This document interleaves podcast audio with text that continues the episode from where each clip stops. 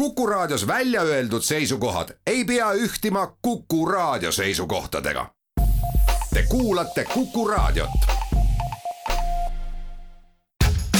ja nüüd kohe algab Juku Raadio. Juku-Kalle Raidi köögilaua taha ongi juba kogunenud kõikvõimalikud spetsialistid ja muidu toredad inimesed. tore, et sina ka tulla said. häid mõtteid toob Juku-Raadiosse Postimehe kirjastus seinad juba hiire kõrvul, igal uksel salasilm, kõrvad kikkis, kikivarvul kõnnin, aga külm on ilm. sõnad, tõde, õigus, töökus. Kõmavad ja kostavad, silmad luurel, seljad köökus, Õhtulehte ostavad eile hommikused noored, täna juba raukunud, olen üles kirjutanud. ma ei ole haukunud. Juhan Viiding.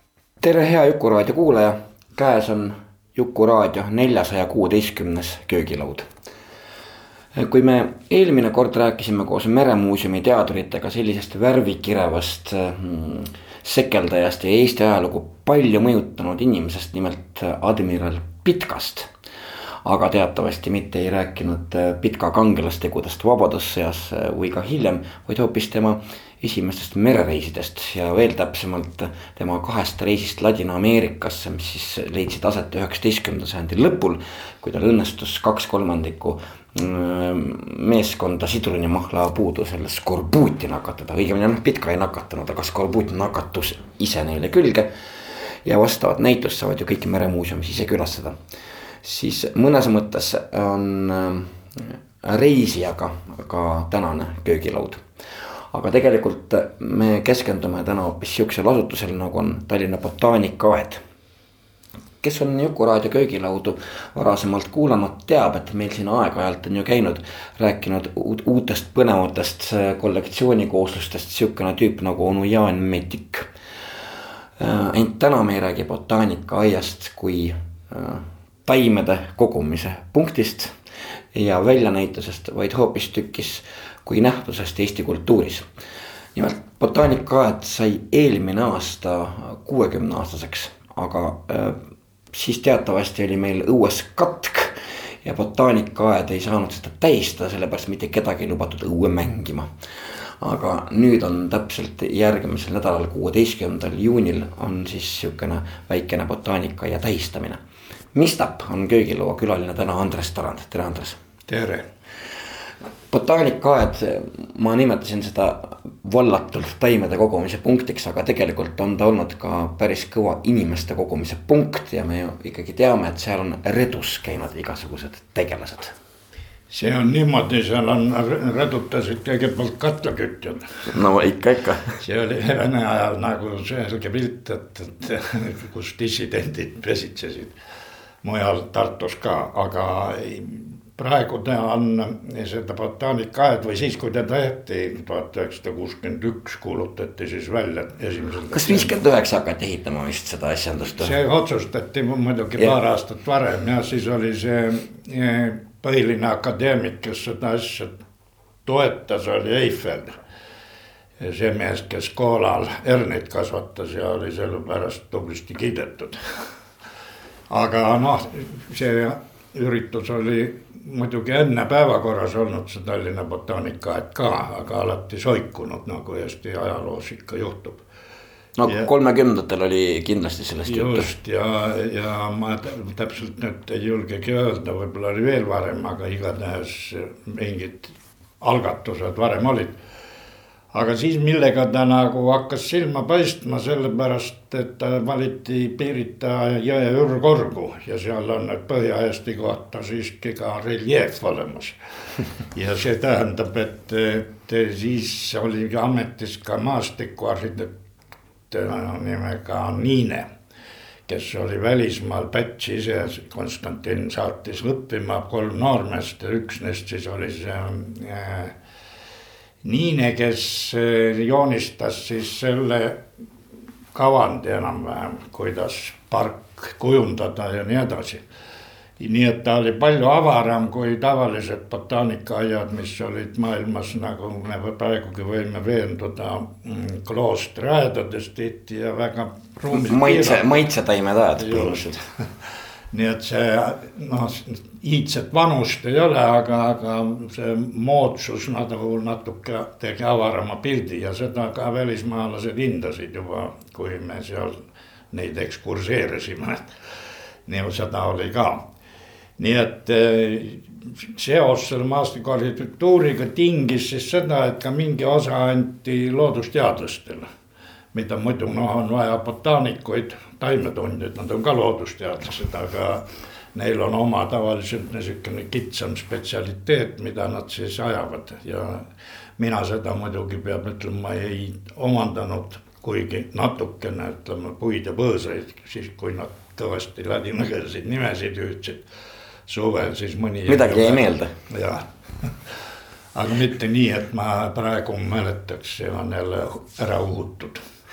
Eh, seesama maatükk, kus on täna botaanikaaed jah, Pirita jõe ürgorg, see, sa siin mainisid väga õigesti Pätsu, kes Niina saatis lugupeetud Välismaale lugupeetud õppimas, on ju. tema enda taluga päris tihedalt seotud seesama krunt täpselt nii ja, ja see oli, on nüüd noh ära märgitud, aga kui oli siis eh, Nõukogude Eesti, siis. sellest ei, ei räägitud. ei, ei julgetud päris, aga mind aitas see tublisti, sest kuna ma olin botaanikas natuke nõrk siis ekskursantide, ma sain jutu viia presidendi peale siis oli mul ka millest jutustada, kuigi noh, see ei olnud nüüd nii väga kõva häälega räägitud, aga ega seda maha ka ei saanud salata. aga siis, kui hakkas siin Gorbatšovi aeg lõppema, siis eh, peeti juba avalikult mingisugune sissepühitsemine või, või Pätsu olemasolu seal. see oli vist sel ajal, kui sa olid botaanika direktor, see oli mingi kaheksakümmend üheksa, eks ole. võib-olla see oli kaheksakümmend kaheksa. siis, siis natuke enne jah. siis jah, sinna üks tahvel on pandud igatahes ja, ja kõlab ta alles. sest praegu on pätsud jälle seal sees. no ikka muidugi sa jah, ütlesid, et botaanikaaias pesitsesid igasugused katlakütid, tõepoolest, aga botaanikaaed kui sihukene äh, katusorganisatsioon jah, mitte ainult taimedele, vaid ka huvitavatele inimkooslustele. tiksus ju aastakümneid, et see oli üks kindel linn ja varjupaik või? seda võib öelda ja selle tagatis oli nagu minu meelest see, et ta oli eemal kesklinnast, sest siin oli ikkagi neid nii-öelda talgulisi üritusi ja igasugu ma ei tea, kuidas neid kõiki veel nimetatigi, aga, aga ühesõnaga see partei, kompartei kontroll oli kindlasti tugevam. meil oli ka see organisatsioon ja ma isegi sain osa võtta kahest lahtisest koosolekust. aga, aga no need. mida sa seal tegid? no see oli juba neljane kirjaga seotud no, siis ma pidin natukene laskma ennast noomida seal.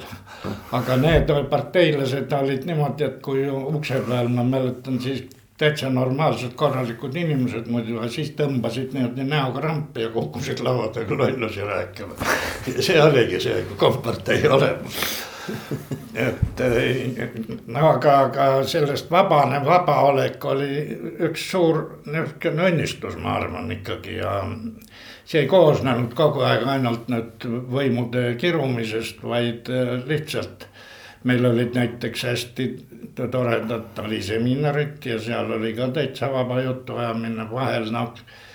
võib-olla mõni arvas, et läks liiale ka, aga, aga selles mõttes, et, et no seal ei olnud ainult jutt taimedest, aga nendest ka. aga sellest olukorrast, Eesti seisust niimoodi ja, ja võis ka rääkida, nii et need olid üsna, muidugi sinna liitus siis saun ja suusatamine ka, need olid need kolmandikude kaupa, aga need olid hästi vahvad. nii et, et see nagu iseloomustab pisut ja suved muidugi nagu kuidas keegi inimene oli, kui nad kollektsioonide pealikud, need pidid töötama oma taimedega, mis kellelgi kuulus, sibulilled ja nii edasi, kõik no see on praegu sama asi, et, et. ei see ei muutu. just nimelt. see, see, see Linnee poolt tehtud jaotus maksab siiamaale, et kuidas neid taimi liigitada. ja üldiselt oli ka nii, et need aedniku rahvas olid väga osavad ja tublid oma töös, aga nad ei olnud äh, teadusbürokraatias, ei olnud eriti tugevad. Ja sellepärast nüüd äh, esialgu, kui ma sain niisuguse bürokraadi ameti, siis mul oli raskusi natukene nende käest nõuda aruandeid ja õigel ajal. aga muidugi nad ikka tegid ka lõpuks ja ega see nii hull ei olnud. aga, aga siis eh, selle ökoloogia ärkamine toimus eh, ühe partei ja valitsuse mingi pleenumi ajal tuhat üheksasada seitsekümmend kaks või kolm, võib-olla isegi seitsekümmend kaks kus siis Nõukogude Liit esimest korda tunnistas, et, et loodus vajab teatud määral õrnemat kohtlemist, ühesõnaga need. et loodus on olemas. üle, üle liidu oli juba neid katastroofe ja õnnetusi ja mida kõike liiga palju. selleks hetkeks oli ka peatatud see suurepärane projekt kõik jõed panna tagurpidi joolama ja siis tekkis see asi, et me olime siis niimoodi täiskasvanuks saanud ja paljud olid juba oma mingi esimese kraadi kaitsnud et võis ökoloogia kuulutada nagu ametlikult teaduseks ja, ja nii see läks, et aga me ise küpsesime ka samal ajal. kuigi me natukene hiljem, ma ütleks küll, mina olin, oli üks eestlane, Eduard Markus, kes oli juba need geograafilise poole ja siis bioloogilise. Neil olid muidu erinimed, et kuidas seda kogu, kogu seda pilti mis on omavahel seotud kangesti, no kõik on seotud kõigega, niisugune loosung pärineb sealt. et, et oli üks Eduard Markus, aga see mees oli põgenenud sõja järel muidugi neli, neli Rootsi või Saksa ja siis edasi Ameerikasse, see leiutas selle esimesena maailmas, et need on samad asjad, et räägime ühest asjast ja, ja ühesõnaga, see oli nagu niisugune tore aeg, sest et, et me hakkasime mõistma üksteist paremini, see on see koostöötamise üks võlusid. aga muidugi see ei ole kunagi kestev, sest inimesed saavad vanemaks ja teevad pahandusi. ja lähevad tülli. just, ja see oli, mul oli teada näiteks Tõravere instituudist, et seal noh pandi kõik kokku ühe mäe otsa elama, igaüks nägi, mis teine teeb väljas ja sellest piisab, kui pikem aeg on, et pahuksisse minna. nii ta juhtus ka botaanikaaias, et ega see ei püsinud üle kahekümne aasta, see, see suur ühtsus noh, ühtsusel oli nii palju, kui noh, tavaliselt see on ka üks füüsikaseadus, et kui väljaspoolt on surve, tekib vastusurve, surve kaob ära, siis noh, asjad ikkagi lagunevad no eks ta umbes nii siis ka selle botaanikaaia seltskonnaga või? no seal tuli natukene, kui see mm, Gorbatšovi aeg peale hakkas, siis ju see tasapisi paari-viie aastaga tungis kihtidesse, nagu teada. ühtesid pani laulma ja teisesid rohkem rääkima. See oli niisugune pulbitsev aeg ja siis isegi direktori valimine toimus botaanikaaias rahvahääletusega, mis on teadusasutustes muidu ennekuulmatu. sellepärast, et alati on. pisut jabur. spetside komisjonid, kes seda hindavad. nii et, et no see oli, muidugi tekitas ka vastuolusid niisugune aeg, sest et ähm, aga lõppude lõpuks lõppes ju meil hästi ei, meil lõppes muidugi hästi, aga lihtsalt puhtalt me ju täna lihtsalt siin köögilaos räägime äh, lihtsalt sellepärast, et tuletada seda ajalugu meelde, et noh, see lihtsalt kaotsi ei läheks, et lõppkokkuvõttes. no muidugi sa oled sellest ju varasemalt ja episoodiliselt ja päris mitmetes kohtades rääkinud ka. No.. aga sa ütlesid küll tead, et botaanikaaia üks eeliseid oli, et ta tõepoolest, äh, vabandage väga, asus seitse kilti umbes, eks ole ju linnast eemal, kujutad pilti, see ei tähenda ju geograafiliselt ju suurt midagi, eks ole. taksoga võis sinna sõita, no ma kujutan ette, et kahe rubla eest. Olidki kohal. ja ometigi äh, tähendas see veidi teistmoodi maailma. See on ilmne ja ma mäletan isegi ükskord, et see oli ikka nii ligidal, et ma üks öösel läksin jalgsi koju siis palju enam ei liikunud midagi, siis oli pidu hiljaks või pikaks läinud ja. nii et see seitse-kaheksa kilomeetrit, noh, on ju käidav. see on väga käidav aga muidugi üldiselt ikka sõitsime bussiga ja isegi asutuse bussiga ja, ja niisugune. kas see oli mingi ametiühingu transport siis või? see oli äh, botaanikaaia juurde oli loodud siis sovhoosi õigustega asutus Puukool nimetati. ja selle kaudu sai realiseerida, mis teadusinstituutidel oli muidu keelatud nii et oma buss ja oma värk võis olla selle koha pealt ja, ja peale selle sai tööle värvata siis näiteks vanemaaedniku nime all ka hoopis teisi spetsialiste. Kes töötasid näiteks arhiivis mida mina kasutasin oma ema ära, et, et kes oli ajaloolane ja mõistis saksa keelt palju paremini kui mina et see, seda vana materjali koguda nüüd Eesti ilmanähtuste kliima kohta, see, see hakkaski sellest pihta, et, et mul nihuke abitöötaja oli oma ema näol. just. no see on õige, ikka tuleb ema tööle võtta. no vaata, see oli ka, et ta oli juba pensionär ja eluaegne õpetaja ja ta muutus veidi rahutuks, sest tal ei olnud enam. kedagi õpetada. jah, ja, ja nii et ma, ma arvasin ise, et ma teen natuke head ka sellega, et iseenda jaoks tööd tellin, aga, aga no nii sai. ja, ja, ja küllap oli seal veel siis neid võimalusi, mida see andis siis juurde meile, aga muidugi see ametlik seisus oli botaanikaaial kolmanda järgu instituut ja see ei olnud just meelakkumine, sest palgad olid madalamad, nii et meil oli kogu aeg päevakorras peaaegu et kuidas tõsta järku ja seda pidi saama Moskva kaudu. nii et ükskord olin ka mina see õnnetu, kes sai siis orhidee suure põõsa kandla alla, sõitsin Moskvasse ja üks naisametnik oli õnneks, kes lillest muidugi lugu pidas ja niimoodi saime lisateema, see tähendas, et plaanimajanduses olid muidu teemad lukku löödud. no iga aasta võeti vist uuesti, tehti viie aasta plaani ka ja ja siis selle kaudu saime lisamist tingi-, ta tegi võimalikuks selle, et, et sai uut tööjõudu, veel lisatööjõudu. võib-olla isegi me läksime natuke liiale, aga igal juhul see parandas, parandas olukorda, nii et, et igaüks sai oma eh, ampluaad laiendada. aga noh kokku tuli lõpuks võib-olla jah, natuke rahvast rohkem, kui oli tööülesandeid, ma ei ole nüüd kindel, kelle kohta seda täpselt öelda, aga niisugune. aga noh, ka ikkagi redutamise koht, et, et ikka tuli inimesi redutama võtta. aga siiski ma ei ütleks, et, et elu sellega siis halvemaks läks, aga, aga kui oli siis need suured raskuse aastad nii poodides kui, kui teaduse organisatsioonis see ümbertegemine käis. siis akadeemikud, mulle on sellest isiklikult jutustanud akadeemik Veidermaa, müüsid nii-öelda Tallinna botaanikaaia maha selle summa pärast, mis botaanikaaiale oli kokku mõeldud.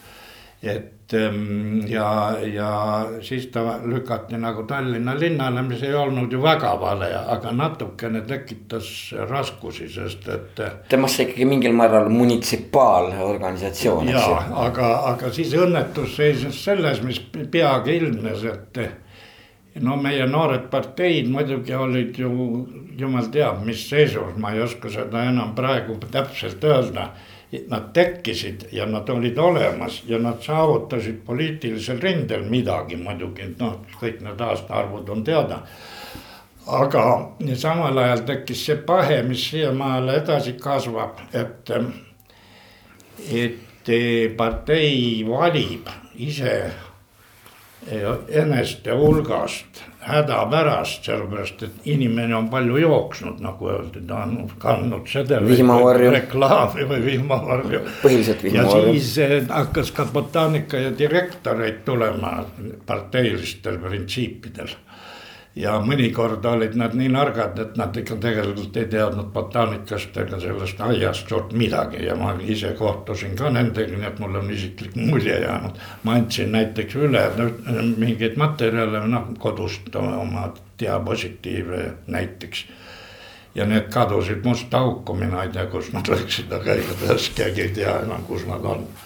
no ühesõnaga sellist võiklust tuli juurde aga mitte, mitte. seda lubasid ka kaheksakümnendate lõpp üheksakümnendate algus no üldiselt see ütleme siis niimoodi, et anarhia mm, oli ju tegelikult üldine, et see ei puuduta, puudutanud. aga no oli ka üks direktor näiteks, kes siis seal palm kasvab kole kiiresti palmimajas ja siis tuleb teda jälle rekonstrueerida, tõsta juurde ja see, see e. eelmine aasta saigi uus palmimaja valmis, maksis umbes kaks miljonit eurot, ma no, mäletan igatahes üks mees oli see ehitaja nimega Ott ja see tõstis esimest korda siis seda katust, nii et tegi, mis vaja ka, nii et kõik, kõik ei olnud vilets aga oot, okei okay,, kui sina rääkisid sellest järgu, sa läksid, eks ju, orhidee ühe kaenla all Moskvasse ja kindlasti Vana-Tallinn teise kaenla all. vot seda ei olnud mul vist seekord kaasas. aga kuidas sul läks ilma Vana-Tallinnata, kuidas sa said, noh ütleme. no eks, eks need naistöötajad on lille vastu ka nõrgad sest ma mõtlen, et kui mul tuli lihtsalt meelde, eks ju, Raimo Pullati lugu, kes käis siis Tallinna linnaarhiivi äh, tagasi klanimas läbi Moskva Saksamaalt. siis need lõputud äh, Vana-Tallinna lood, noh et, et sul juba kuulates tuleb Vana-Tallinna maitse lõpuks suhu, eks ole, et polegi vaja lahti korkida. piisab lihtsalt äh, sellest seebitamise jutust kuulata. no see oli väga-väga pikk epopöa ja Pullat muidugi suutis selle toime panna, aga lahendus tuli siiski juba siis, kui me olime oma iseseisvuse välja kuulutanud, tee oli. aga vunda, vundament dokumendid ta ikkagi kaevas nõukaajal. see seisis selle taga, et Lübecki arhiiv seisis Moskvas ja sakslased võtsid selle tagasi. aga seda Moskva ei raatsinud anda, siis see venis, no see oli nihuke, aga mul oli hädas. siis olidki need saunapeod akadeemilised saunapeod. jaa aga öö, miks ma sellest äh, tahan rääkida, et sa ütlesid, et botaanikaaeg oli, aed oli kolmanda järgu instituut. räägime selle natukene lahti, sest ma arvan, et nüüd meie köögilaua kuulajad kõik ei pruugi teada, mis on kolmas, teine ja esimene järk toona äh, ühe instituudi jaoks tähendas. esimene oli, esimene järk oli ilmselt neil, kes äh, Nõukogude Liidu kaitsevõimet tugevdasid mingil moel ja pidid siis noh, füüsika, keemia. aitasid raketitööstust. jah ja ma ei teagi, kus see piir siis seal täpsemalt oli, aga näiteks äh, äh, loodusteaduslik CBI, see oli siis zooloogia botaanika instituut Tartus, see oli teine järk. aga, aga siis veel kehvemad sellest teisest järgust olid äh, kirjandusmuuseum Tartu oma, meie botaanikaaed ja üks naljatilk oli veel siis, et, et noh, see, see seisnes selles, et kõik see juhtivpersonal oli hoopis madalamalt makstud ja muidugi inimesed, kes on juba karjääri teinud, tahaks ju rohkem palka ka.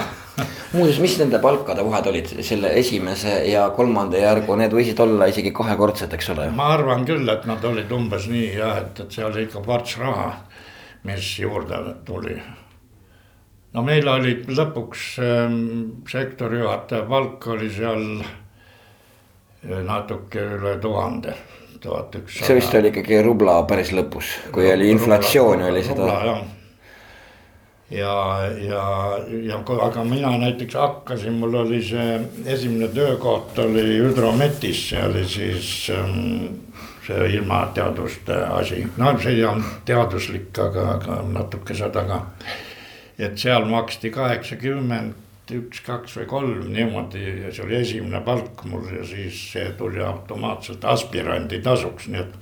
ma olin esialgu, kui tööle hakkasin botaanikaaias nagu eh, naise ülal pidada natuke, sest tema sai Eesti Raadios. no ta Eesti Raadios, see oli ikka lugupeetud asutus. just, aga ma siis minu, minul jäi eh, võimalus nagu sel ajal näete, haltuurat teha, mis küsimused-vastused oli keskkomitee ajakiri kus töötasid sõbrad Ehin ja Hellat, nii et, et ma kogu aeg treisin mingeid vastuseid küsimustele, sellega teenisin nagu tasa.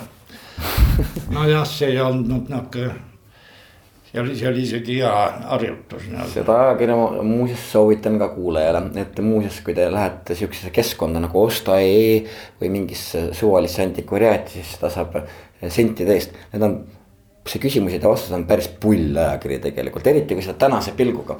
eks ole, vaadata, mida siis inimeste käest teada taheti, mida vastata tohtis, siis tuleb alati äh, meelde äh, vaatad seda küsimusi ja vastuseid ja siis mõtled, et huvitav, et kas teil, teie vastustele üldse küsimusi ka on seal oli niisugune jutt, et aeg-ajalt töötas välja see toimetus ise neid küsimusi. ma ei ole sellega kursis, ma ei oska öelda, kui palju aga need, mis ähm, ikkagi olid äh, serveeritud niimoodi, et tahab teada see ja see. ja, ja nagu Nemo turniir põhimõtteliselt, et kolhoosnik see ja too ja. või siis mälumängija see või too.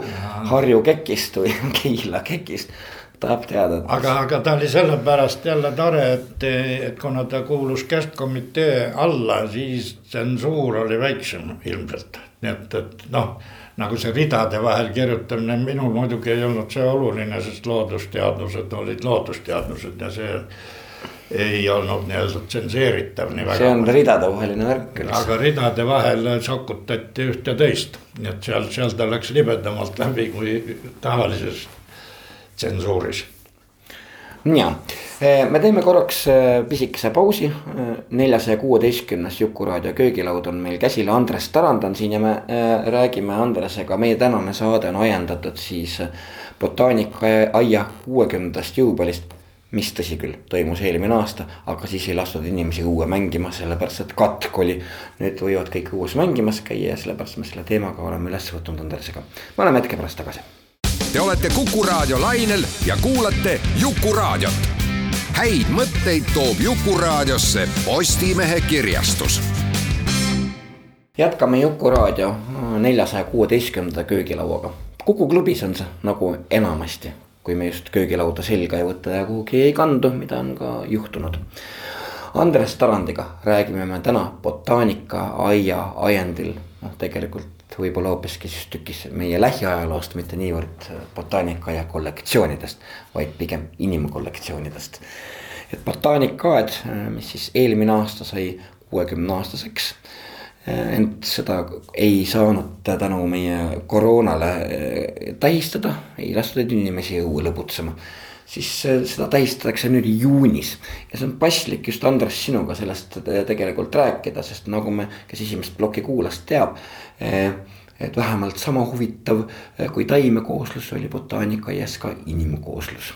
jah, nii võib öelda küll. ja, ja seal oli väga tugevad siis need no ütleme, need botaaniliste kollektsioonide pealikud, kes no need on need rohepöidlad või kuidas neid ütleb, käes kõik õnnestub.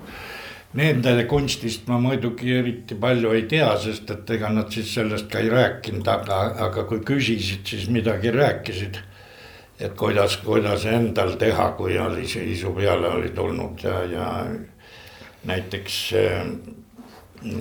Alex Paiver, kes oli saarlane ja, ja valitses siis puid ja põõsaid.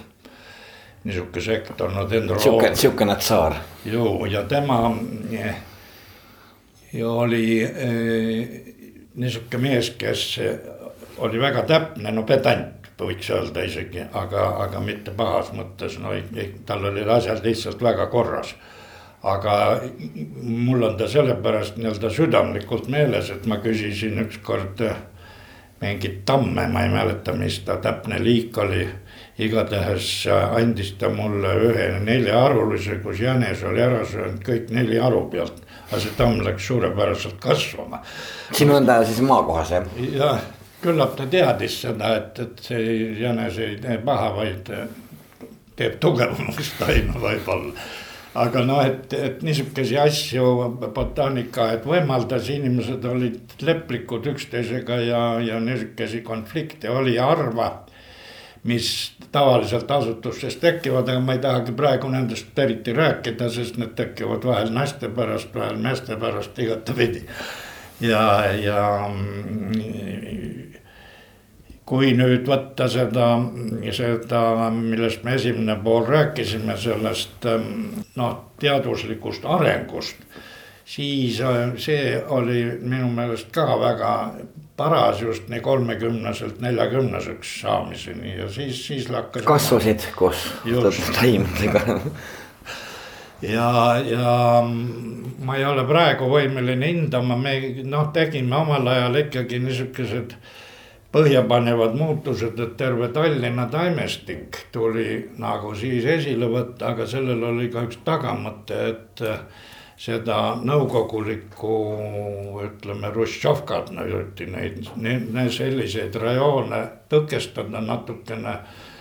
Ja nõndanimetatud kõdurajoonid, nende mahatõmbamine sai ka puudega kaitstud, sellepärast et, et kui oli võimalik tõestada, et see on sama hea tükk kui Kadrioru park. ja, ja need kõdurajoonid on, mida me teame täna hipsterite linnaosadena, eks ole, mis on kõige populaarsemad. just ja neid, neid ju keegi ei remontinud ja, ja siis kuulutati pidulikult, et kõdu ja tõmbame maha, noh. see oli nihuke absurd jälle ja no see oli sama siin Süda tänaval. just, just, no see on see kuulus hõlmikpuu saada, eks ole. sest hõlmikpuu tõmmati nagu, muidugi me mängisime ta välja, aga see oli kogu kvartal oli tuhat põlispuud.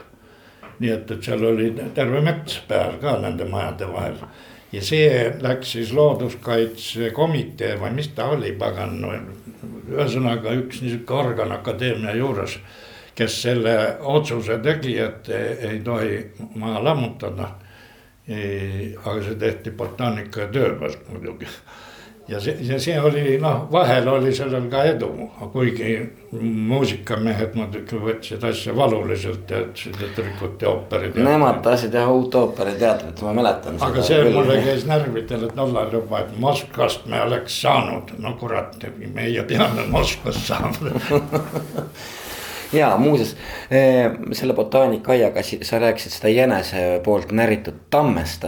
siis mul oli ka lapsepõlves au sinu maal mõned suved seal olla, sinu poegade no veidi kantseldada, ma olen piisavalt noorem, siis sa äh, oled ju ka sinna istutanud äh, igast huvitavat kooslust, ma nüüd küll ei, ei teagi, et kas see kõik on botaanikaaiaga seotud või on see tulnud sul hiljem või varem ta ikkagi on, see äratus tuli ümbrusest, kus ma viibisin ilmselt ja, ja see tammede värk tuli mulle pähe millegipärast alles siis, kui hakkas millenium otsa saama.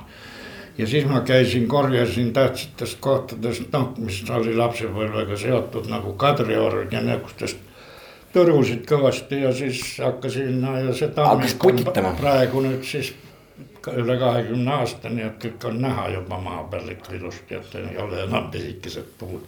no seal oli muidugi vaja neid kaitsta, põtru ja kitsesid oli liiga palju, siis on ta olnud võrestatud ja niimoodi.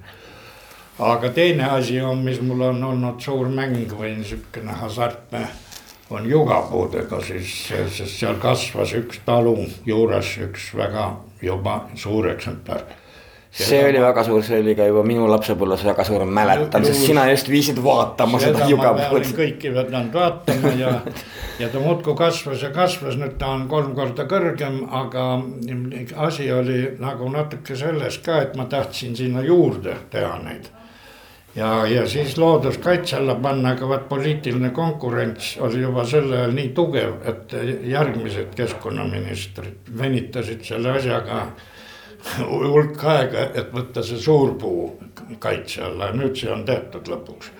ja siis teine oli üks plats, mis leiti mitte minu poolt, vaid siin mm, kellegi metsataksaatori. üks kolm kilomeetrit eemal ja seal oli täitsa looduslik mets jugapuudest ja see nüüd sai siis eelmise keskkonnaministri käest selle õnnistuse, et võeti kaitse alla, mida noh, nii et, et kõik ei lähe viletult. kõik, kõiki maha ei raiuta. Ehm, kui me nüüd tuleme korraks veel tagasi botaanikaaia ja, ja inimkoosluse juurde. siis lõppkokkuvõttes jah, et, et kõik ei olnud nii tihedalt üldsegi ju botaanikaga ainult seotud, sa just nimelt mainisid. et inimesi oli rohkem kui töökohti. et mingi huvitav platsdarm siis, mis noh, mida, mida sai võimaldada ma ei oskagi niimoodi öelda, et, et muud platsdarmi oleks olnud, aga need.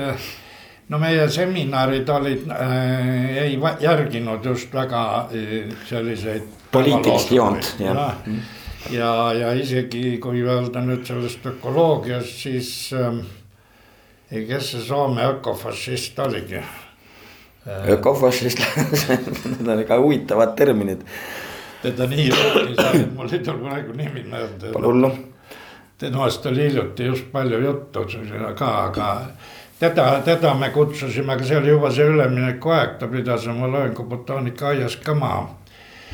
ja jah, noh ja ma nüüd jäin kokutama, ka Kaplinski on üks näide, mis Jaan Kaplinski tuli meile tööle jah, aastal seitsekümmend viis vist.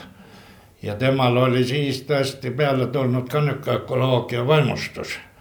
Ja ta kirjutas Eesti looduses enne, et kõik me oleme pärit savannist, no siis seda loomise lugu, kui ta saavpuu otsast alla tuli ja noh, seda. kuidas me lõpuks sealt Ida-Aafrikast laiali läksime üle maailma ja selle peale tuli siis ükskord minu juurde direktor Arnold Pukk. ja ütles, et lähme jalutame natuke tammikus, selleks oli vaja tammikusse minna, et telefonide juures kõiki jutte ei tahetud rääkida. täpselt sellega, muuseas ka tänane direktor Urve Sinijärv ütles, et tema esimest korda alles nüüd kuulis, et ütleme ähm, pealtkuulamist mitte kannatavad teemad ähm, vesteldi ära tammiku siis botaanikaaias ja siis käisime seal ja tema siis ütleski, et mis sa arvad, kui me Jaani võtame siia. Ja mina ütlesin, et no ma tantsin teda ka ikka enne ja ütlesin, et minul pole midagi siin öelda, noh et muidugi võtame. Ja siis, aga Jaan sai teha seal, mis ta tahtis, loomulikult mitte, et mina oleks nii-öelda hakanud dikteerima, et nüüd kirjuta seda või teist. Kirjutas ja vahel küsis, et kuule, et, et kas sul mulle midagi tööd anda on, see oli ükskord, no seal oli huvitav lugu vanad perfokaartide süsteem mm. -hmm. ja seal on need reiterid, kaksteist värvi. ja ühel plikal oli, oli väike laps kaasas, kes oli minu karbi jumala söögi tuusaldanud. tavaliselt värvilised asjad vahetas ümber. ja ma ütlesin, et kuule, et pane need korda aga lolli, mul ei tulnud meelde, et, et Jaan on värvipime see oli nagu häbemata tükk, aga tegelikult pani ta kõik korralikult pinalisse tagasi, välja arvatud lillad ja sinised, tumesinised olid veidi segi Niilda ei teinud või? nii et see oli häbemata, aga tahtmatult nii-öelda eksperiment. seitsekümmend viis, see on umbes samal ajal kui Jaan Kaplinski äh, seletab nii mõndagi, ma arvan, et see on seesama aeg, kui ta kirjutas luulekogu, mille nimi on Tule tagasi Helmemend, mis on ju ka otsapidi puhas botaanika. jaa Kaplinski Kaplinskiks, eks ole, sa rääkisid enne katlakütjatest ja kõigest muust.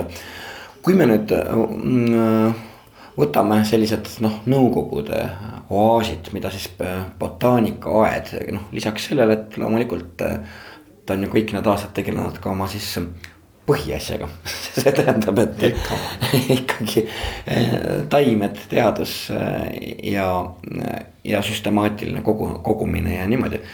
siis kuidas sa hindad, millised need kohad Nõukogude Liidus üleüldse olid, kus selliseid oaase sai tekkida? just nimelt, sest et botaanika on ju nii ohutu, ta on ju nii pehme, eks ju, ta on nii kaugel, et nagu sa ütlesid, eks ju, kõigest seitse kilomeetrit, aga maailm teine see võib olla küll, et oli ka neid mujal, sest botaanikaaedasid on üldiselt palju, aga vot selle koha pealt olen ma nõrk, ega ma Nõukogude Liidu botaanikaaedasid palju ei ole elus külastanud no võib-olla Krimmis ja kuskil Kaukaasias, aga. no ma ei pidanudki silmas ainult botaanikaaeda, vaid ma mõtlen ja. üldse selliseid äh, kohti. no me just rääkisime siin Tõravere, Tõraverest näiteks, eks ole. ei no neid pidi olema, sest et siin ja seal on ja ikka süttinud aeg-ajalt mingi mõte ja, ja mis on terve mõistusega nii et, et ähm, see ei, ma ei arva, et ta nüüd ainuke oli küll Nõukogude Liidus, aga, aga vähemalt üks. no näiteks oli ka üks asi, mis meil seesama orhidee, mida ma mainisin nüüd Moskvasse kauplema minnes, oli kaenlas, see tuli Austraaliast, sest üks mees nimega Oskar Savik kes oli emigreerunud, kuna ta oli nüüd vägev vasakpoolne ja siis põgenes sealt Nõukogude Liidust vist või ma ei tea, kuidas see kõik täpselt oli, igatahes tahtis ta kodu tulla, nagu vanemad pensionärid tihti tahavad. ja tuli ja, ja selle hind oli siis see, et ta tõi oma eh, orhideede kollektsiooni, need orhideede nimi on Tšümbiidia. no see on üks liik neist, siis sealt ikka Kagu-Aasia värk ja selle poolest oli jälle Tallinna botaanika, et siis nii uhke ja nagu see näide ka ise juba rääkis, et selle, sellega sai üht-teist.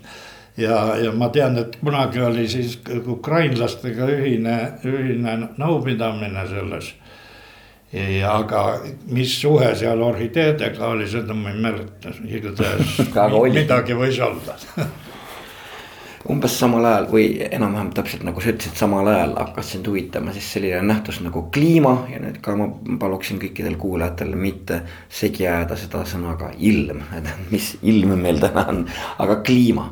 Et sa tõepoolest hakkasid koguma andmeid. ma muuseas, sa oled koos Ain Kallisega, kes oli see kolmas kirjutanud sellest Eesti kliimaajaloost päris, päris ägeda tellise no see oli lõpptulemus siis, mis, milles ma tundsin nagu natukene ennast puudutatult selles mõttes, et ma jätsin veidi pooleli ja hakkasin seal poliitikas rehkima. mis aga oli möödapääsmatu minu arvates, sest niisugust šanssi ei kuku ju inimesele sülle iga nädal ja, ja siis seal Euroopa Parlamendis eh, olid ju väga soodsad seadused ja seal pakuti raha, kui sul on mingi idee. Ja nendega, nemad maksavad, sina teed lepingu kellegagi, niimoodi ma sain Tartust siis paar õppejõudu palgata et, et üksinda oleks sellise raamatu kirjutamine käinud üle jõu. korraks täpsustan, see on siis Eesti äh, kliima just nimelt läbi ajaloo ja just nimelt läbi siis kaasaegsete allikate. just just nimelt kõikvõimalikud äh, lietopissid, käsikirjad, kus on üldse ilma mainitud. ja, ja, ja tänapäeval kuidagi nii ta oli pealkirjastatud ja see tänapäev on siis äh, Tartu meeste kirjutatud ja minevik äh, oli siis minu korjatud kokku ja nagu öeldud, juba algas ema tööst ja lõppes minu tööga see äh, mineviku kliima võib esmapilgul ajada segadusse, kui seda raamatut silmitseda, sest et noh katastroof katastroofi otsa, eks ju, ütleme sitt, vile ja ikaldus. aga point on ju veel selles, et ainult need asjad pandi ju kirja, ega normaalsed aastad ei viitsinud ju keegi üles on, kirjutada. nii on, aga, aga muidugi üks trikk, mis mul on nüüd hästi ka maailmas läinud läbi, oli siis see, et teha laevade Hansaliit teadagi mm -hmm. saabumise ja lahkumise järele jääkatte järgi kindlaks valitsenud temperatuur, mis ei ole enam katastroof, vaid võib olla normaalsuse piires. aga selle järgi nii kaugele õnneks keegi teine ei olnud jõudnud. ja siis see müüb siiamaale ilusti või no tähendab, teda kasutatakse. E, ja ma tuletan ka meelde, et, et kõik, kes on selle teema huvilised, võivad kuulata, sa oled aastaid tagasi käinud eh, Eesti raadiosaates Eesti Lugu, Piret Kriivani saade. et see on arhiivist täiesti leitav. see on, eh, ma olen ise seda jah kuulanud ja see on tõepoolest, et tegelikult saab ilma, ilmast aru siis, kui sa vaatad, mis kuupäeval on siis nagu ütleme, Tallinna reid vaba, mis siis tähendab seda, et, et sealt sa saad ju järeldada, milline eh, talv oli ja, ja kui külm on kevad. see oli hea värk ja nagu sa nimetasid pullatit enne siin, et, et pullatid enne oli, et siis see Saksamaa osa kobis ka siia. ja, ja siis ma sain just õigel ajal nad veel kätte, et, et oma ritta nii-öelda lülitada muidu oleks, no Vene ajal ma ei unistanud, et ma saan Saksamaa arhiivi minna mitmeks kuuks. See oleks pidanud päris napakas olema, sellest oleks mõelnud. aga jällegi, et sellest tuli ka niimoodi, et kuna neid ähm, vaatlusjää Tallinna lahel läks Muga sadamaga koos Tallinna lahelt minema hoopis Viimsi teisele küljele siis ma olen ise vahepeal käinud Toompealt vaatamas kevadeti, et kas on jääsu või mitte, et rida ei lõpeks. rida ei katkeks nojah, aga, aga see põhiline on juba kätte saadud, mis sealt saada oli. ei nojah, et ütleme pikema perspektiivis seda kliima kõikumist, need asjad näitavad väga hästi ja, ja eks siis sealt me saame ka tegelikult teada, mis asi lõppkokkuvõttes oli see niinimetatud väike jääaeg. Äh, Euroopas üldse no.. ja seda on muidugi nüüd ähm, meil ka võetud suurelt jaolt Lääne-Euroopa järgi, sest seal oli see karmim nende suhtes. just no Hollandi kanalite jäätamine. ikkagi võiks ka niimoodi sisüda no meil on jah need legendid, kuidas jalgsi sai Rootsi minna ja no mis ilmselt vist ei saa päris tõele vastata, et sa otse padi, padinal Rootsi panid, eks ole. küllap see käis üle ikkagi sealt selle Botnia ja Ahvenamaa ja, ja just, kui sealt lahti oli, no siis uppusid mõnikord ära ka need käijad jah, aga tõepoolest väike jääg Holland, ehe näide, kui me võtame toonast varauusaegseid ja uusaegseid kunstnikke.